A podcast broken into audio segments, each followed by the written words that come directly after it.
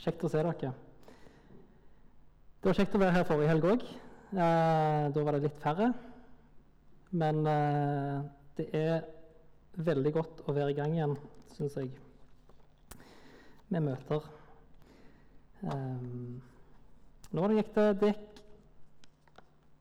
nesten fem fulle måneder med nedstengning. Jeg tror det var i desember eh, 19, rundt 19. desember da vi siste Salem Ung-møte før nå.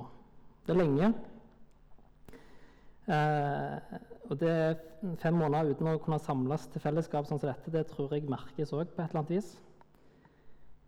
Men det er godt å være i gang, eh, selv om vi, nærmer oss sommer, og sikkert sommermodus på mange av dere. Eh, så det er fint å kunne samles.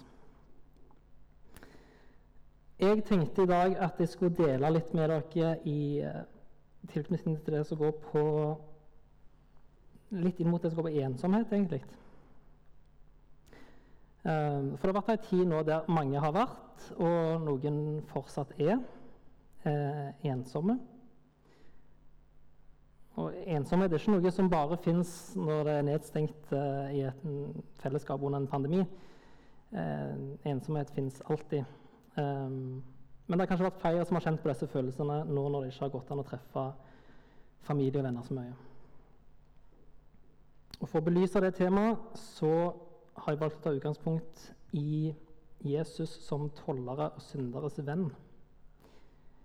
Det er den teksten som vi skal se litt på. Men først vil jeg bare be. Kjære far, takk for at vi kan få lov til å samles her i kveld. Takk for alle som uh, har kommet her for å, for å samles med hverandre og samles med deg.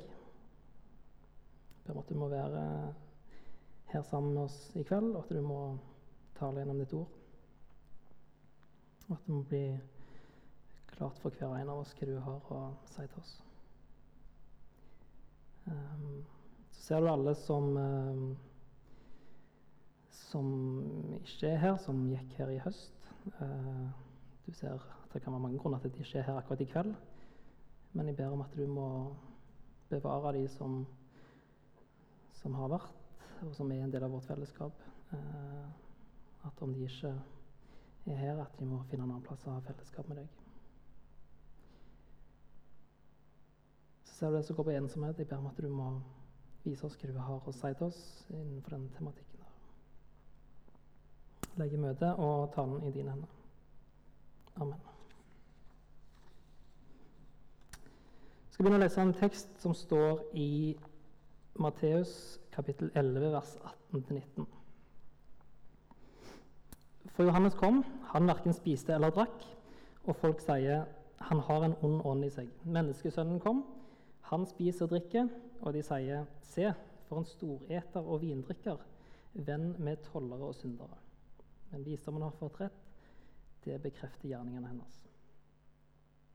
Dette er altså Jesus sjøl som viser til karakteristikker som andre har gitt ham. Eh, vi kan lese i Lukas 15, vers 1, at alle tollere og synderne holdt seg nær til Jesus for å høre ham. Så Det er kanskje noe av bakgrunnen for, eh, for, dette som blir slengt ut her, som en karakteristikk av Jesus.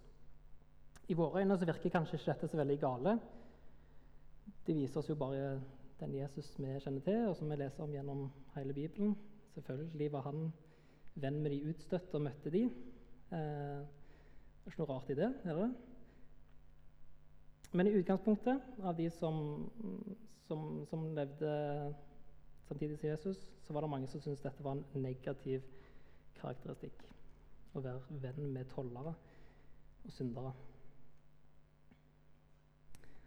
jeg har sett litt på TV-serien 12 nå under nedstengingene Jeg har nesten fått lyst til å bli toller. Det er, vet ikke om det er sikkert noen som har sett det virker veldig spennende å være toller.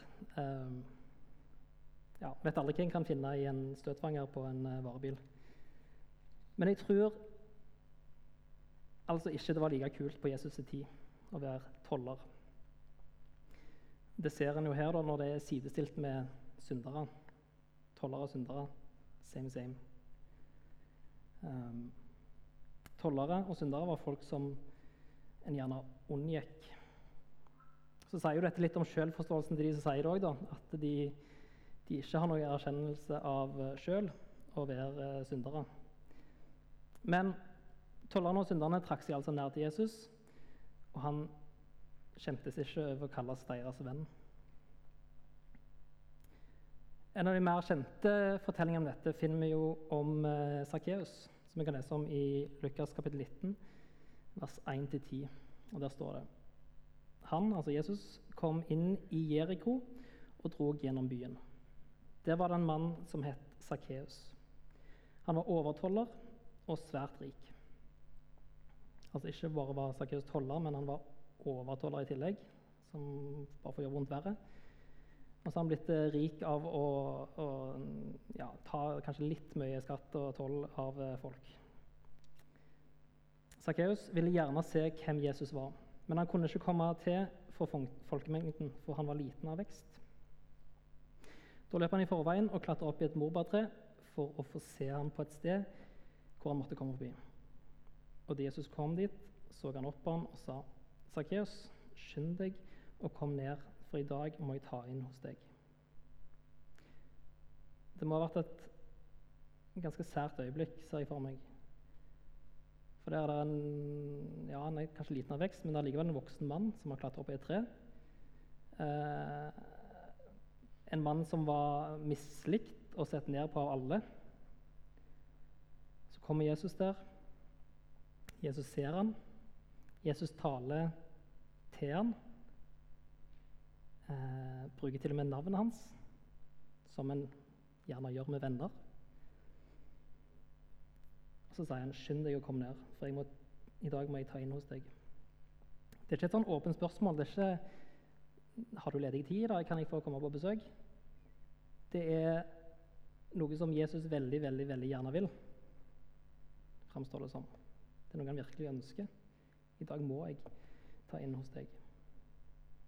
Det er et djupt ønske for Jesus å ha fellesskap med Sakkeus. Sakkeus var ikke vanskelig å be han. Det står videre at han skyndte seg ned og tok imot ham med glede. Men alle som så det, murra og sa han har tatt inn hos en syndig mann.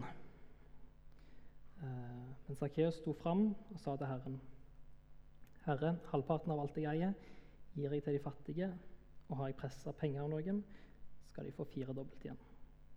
Da sa Jesus til ham, i dag er frelse kommet til dette huset, for òg han er en Abrahams sønn. For menneskesønnen er kommet for å lete etter de bortkomne og berge dem. Sakkeus var òg en Abrahams sønn. Abraham som trodde på Gud, som derfor ble regnet rettferdig av Gud, og som faktisk òg fikk betegnelsen Guds venn. kan vi lese i Jakob 2,23. Menneskesønnen er kommet for å lete etter de bortkomne og berge de, sier Jesus til slutt her. Og Det er litt det samme leia som vi kan lese i Markus 2,17. Det er ikke de friske som trenger lege, men de syke. Jeg er ikke kommet for å kalle rettferdige, men syndere. Jesus kom altså for å lete etter disse sakkeusene, tollerne og synderne, de bortkomne. Det er vanskelig å sette seg inn i den situasjonen sånn rent kulturelt, holdt jeg på å si hvordan, eh, hvordan dette funka, hvordan den situasjonen så ut på den tida for folk. Kanskje vanskelig å se for seg hvordan en sjøl eh, ville ha reagert inn i en sånn situasjon.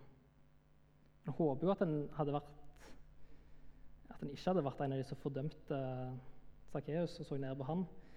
Eh, men samtidig er det så ladd i kulturen. Det er så akseptert oppfatning at tollere de ser ned på. Så det er fort som vi hadde fulgt, fulgt mengden sjøl.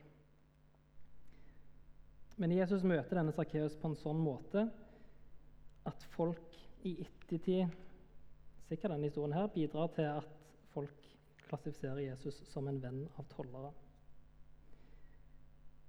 Det er ikke en sånn høflig visitt bare, men Jesus velger å la seg assosiere med tollere og syndere. Jeg eh, leste denne boka her i vår. 'Fearfully and wonderfully the marvel of being bearing God's image'. Um, den er skrevet av en kristen lege som jobba med eh, spedalske, særlig, i India. Eh, og så går Han gjennom, han er jo lege, så han går gjennom kroppens anatomi og på en måte trekker litt sånn paralleller til Bibelen. og eh, Veldig spennende. Og deler en del av sine erfaringer som lege òg, da. Eh, men her skriver han litt om hvordan han møtte spedalske. Disse som ses på som litt utenfor samfunnet. De er egentlig satt utenfor samfunnet i frykt for smitte. I India så er de òg veldig sett ned på. I et kassesystem så faller de ganske langt nedover der. Eh, og Han beskriver i denne boka om en gang der han skulle undersøke hendene til en som var spedalsk. Eh, og som har oppsøkt den klinikken da, som han var med og drev. Og legen sier til den mannen at det, eh, det skal være mulig til å bremse sykdommen, og, og, kanskje kan vi til og med få redda litt av funksjonaliteten i, i, hendene dine.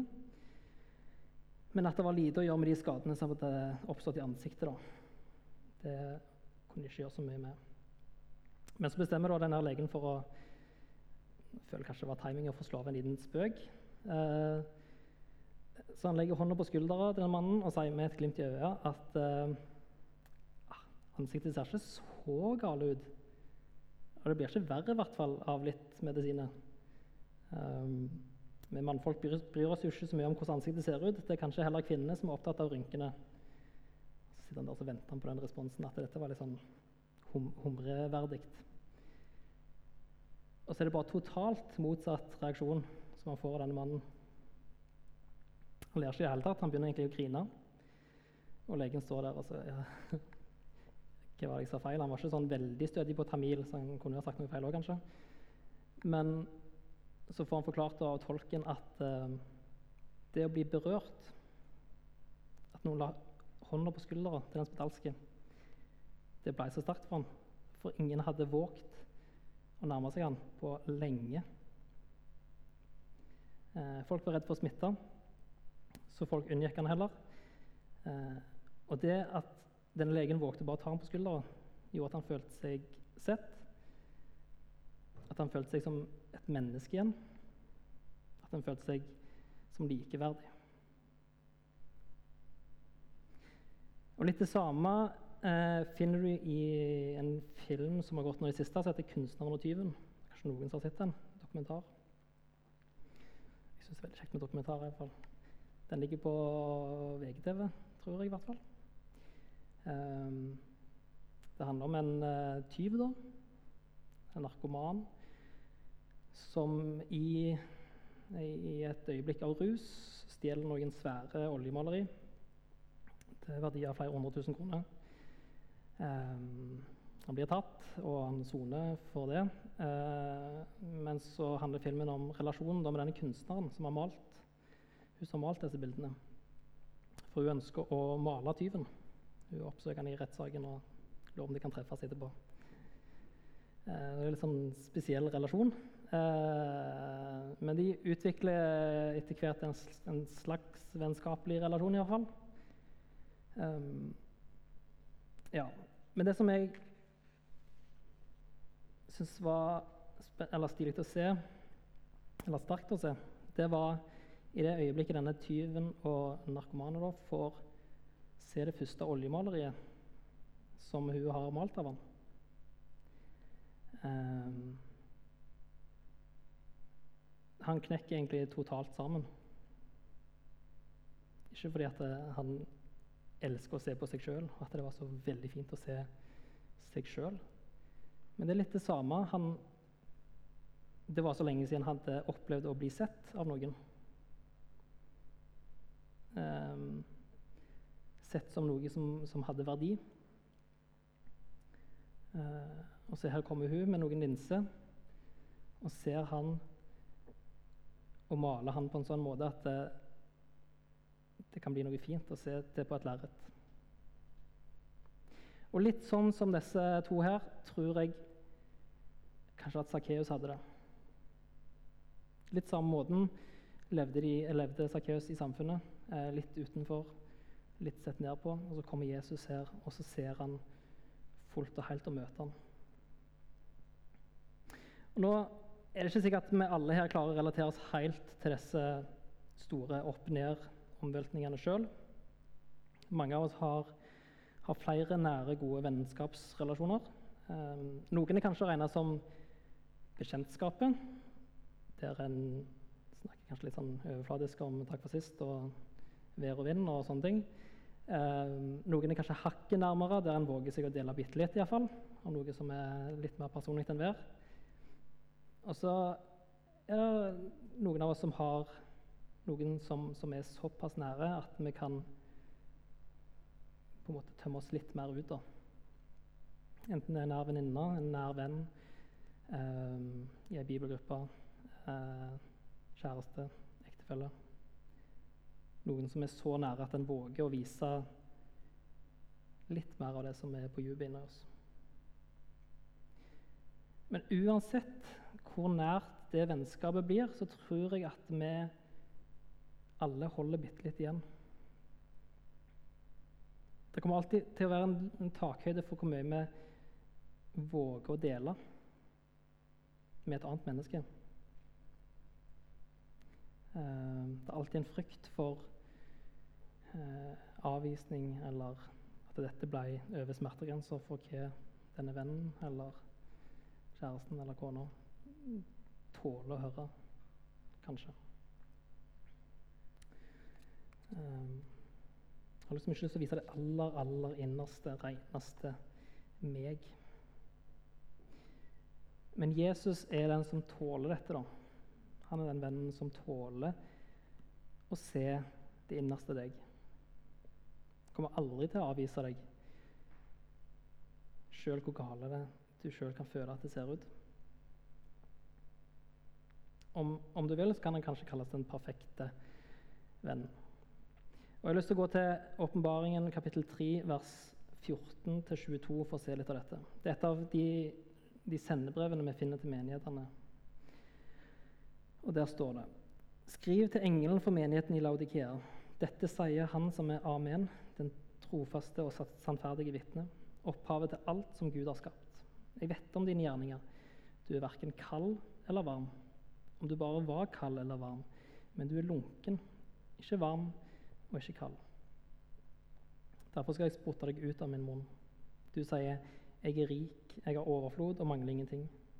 Men du vet ikke at nettopp du er elendig og ynkelig, fattig, blind og naken. Derfor gir jeg deg det råd at du kjøper gull av meg, rensa i ild, så du kan bli rik, og hvite klær som du kan kle deg med, og skjule din nakne skam, salve til å smøre på øynene dine, så du kan se. Jeg refser og irettsetter alle de jeg har kjær. La det bli alvor og vend om. Og så kommer den store overraskelsen i teksten. Se, jeg står for døra og banker. Om noen hører min røst og åpner døra, så vil jeg gå inn til han og holde måltid. Jeg med han og han med meg. Den som seirer, vil jeg la sitte sammen med meg på min trone, sånn jeg sjøl har seira og satt meg med min far på hans trone. Den som har øre, hører hva Ånden sier til menighetene. Det starta jo ikke ut så veldig bra med denne her menigheten, hvordan den beskrives. Eh, elendig, ynkelig, fattig, blind og naken. Men allikevel altså, så står Jesus og banker på døra. Han banker på, han ønsker å komme inn, han ønsker å ha fellesskap med nettopp denne elendige, ynkelige gjengen. Bare de vender om. Og Det er den samme Jesus. Det er ikke sånn at dette er en, en Jesus som lemper på kravene, eller som er Ja. Han, han er fortsatt like hellig. Vi leser tidligere i Åpenbaringen 1, 12-18, der Johannes skriver Jeg snudde meg for å se hvem som talte til meg, og da så jeg sju lysstaker av gull og midt mellom lysstakene en som var lik en menneskesønn, kledd i en fotsidekjortel med et belte av gull om brystet. Hodet og håret hans var hvitt som hvit ull eller som snø, øynene var som flammende ild, føttene som bronse, gløda i en ovn, og røsten var som bruset av veldige varmmasse. I høyre hånd holdt han sju stjerner, og fra munnen gikk det ut et skarpt, tveegget sverd. Ansiktet var som sola når den skinner i all sin kraft. Da jeg så han, falt jeg som død ned for føttene hans. Men han la sin høyre hånd på meg og sa, frykt ikke. Jeg er den første og den siste og den levende. Jeg var død, men se, jeg lever i all evighet, og jeg har nøklene til døden og dødsriket. Den umiddelbare reaksjonen til Johannes er å falle som død ned for føttene. Men så er Jesus den vennen som tåler alt, en som vil vandre sammen med oss. Han, han skyr ikke oss, han ønsker å ha med oss å gjøre. Og sånn som vi leser i teksten her nettopp, så legger han hånd, og hånda si på oss i godhet og kjærlighet. Så kan vi alle oppleve å bli ensomme. Ingen er immune mot det. Det å vite at Jesus alltid er der, tar ikke nødvendigvis vekk all følelse av ensomhet. En eh, kan fortsatt kjenne seg ensomme selv om man vet dette. Men det kan likevel gi oss noe. Det kan gi oss trøst, og det kan gi oss en kraft til å stå i det. For vi har nemlig en som uansett alltid vil gå med oss. Samme hvordan livet skulle utvikle seg, uansett hva vi skulle havne utfor, uansett hvor ensomt det har vært eller er under disse restriksjonene som vi har hatt. Um, uansett har alltid Jesus vært der. Uansett hvor tungt du skulle ha det trosmessig, om du skulle slite med tvil Uansett så er Jesus der. Ikke er det bare sånn at han står på avstand med åpne armer og sier 'kom'. Det gjør han for så vidt òg. Men han, han vil òg vandre sammen med deg. Og Hvis du skulle rote deg vekk fra trua, så er han ikke heller lenger unna at han akkurat nå står der og banker på døra di og vil inn av fellesskap med deg.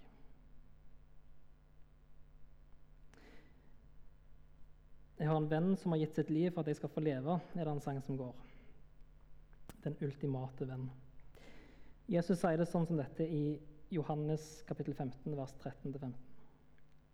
Ingen har større kjærlighet enn den som gir livet for vennene sine. Dere er mine venner hvis dere gjør det jeg befaler dere. Jeg kaller dere ikke lenger tjenere, for tjeneren vet ikke hva Herren hans gjør. Jeg kaller dere venner, for jeg har gjort kjent for dere alt jeg har hørt av min far. Jesus kom for å berge de bortkomne, tollerne og synderne. Han kom som en venn, han går med oss som en venn, og han ga livet sitt for oss. For vi som er hans venner. For at vi skulle få evig liv. Sangen eh, ropte ut heter på engelsk 'Jesus what a friend for sinners' og har en litt annen tekst. Eh, og Jeg har helt til slutt i den talen lyst til å bare lese den teksten for dere. Jesus, what a friend for sinners. Jesus, lover of my soul. Friends may fail me, foes assail me. He, my Savior, makes me whole. Hallelujah, what a Savior. Hallelujah, what a friend. Saving, helping, keeping, loving. He is with me to the end. Jesus, what a strength in weakness. Let me hide myself in Him. Tempted, tried, and often failing, He, my strength, my victory wins.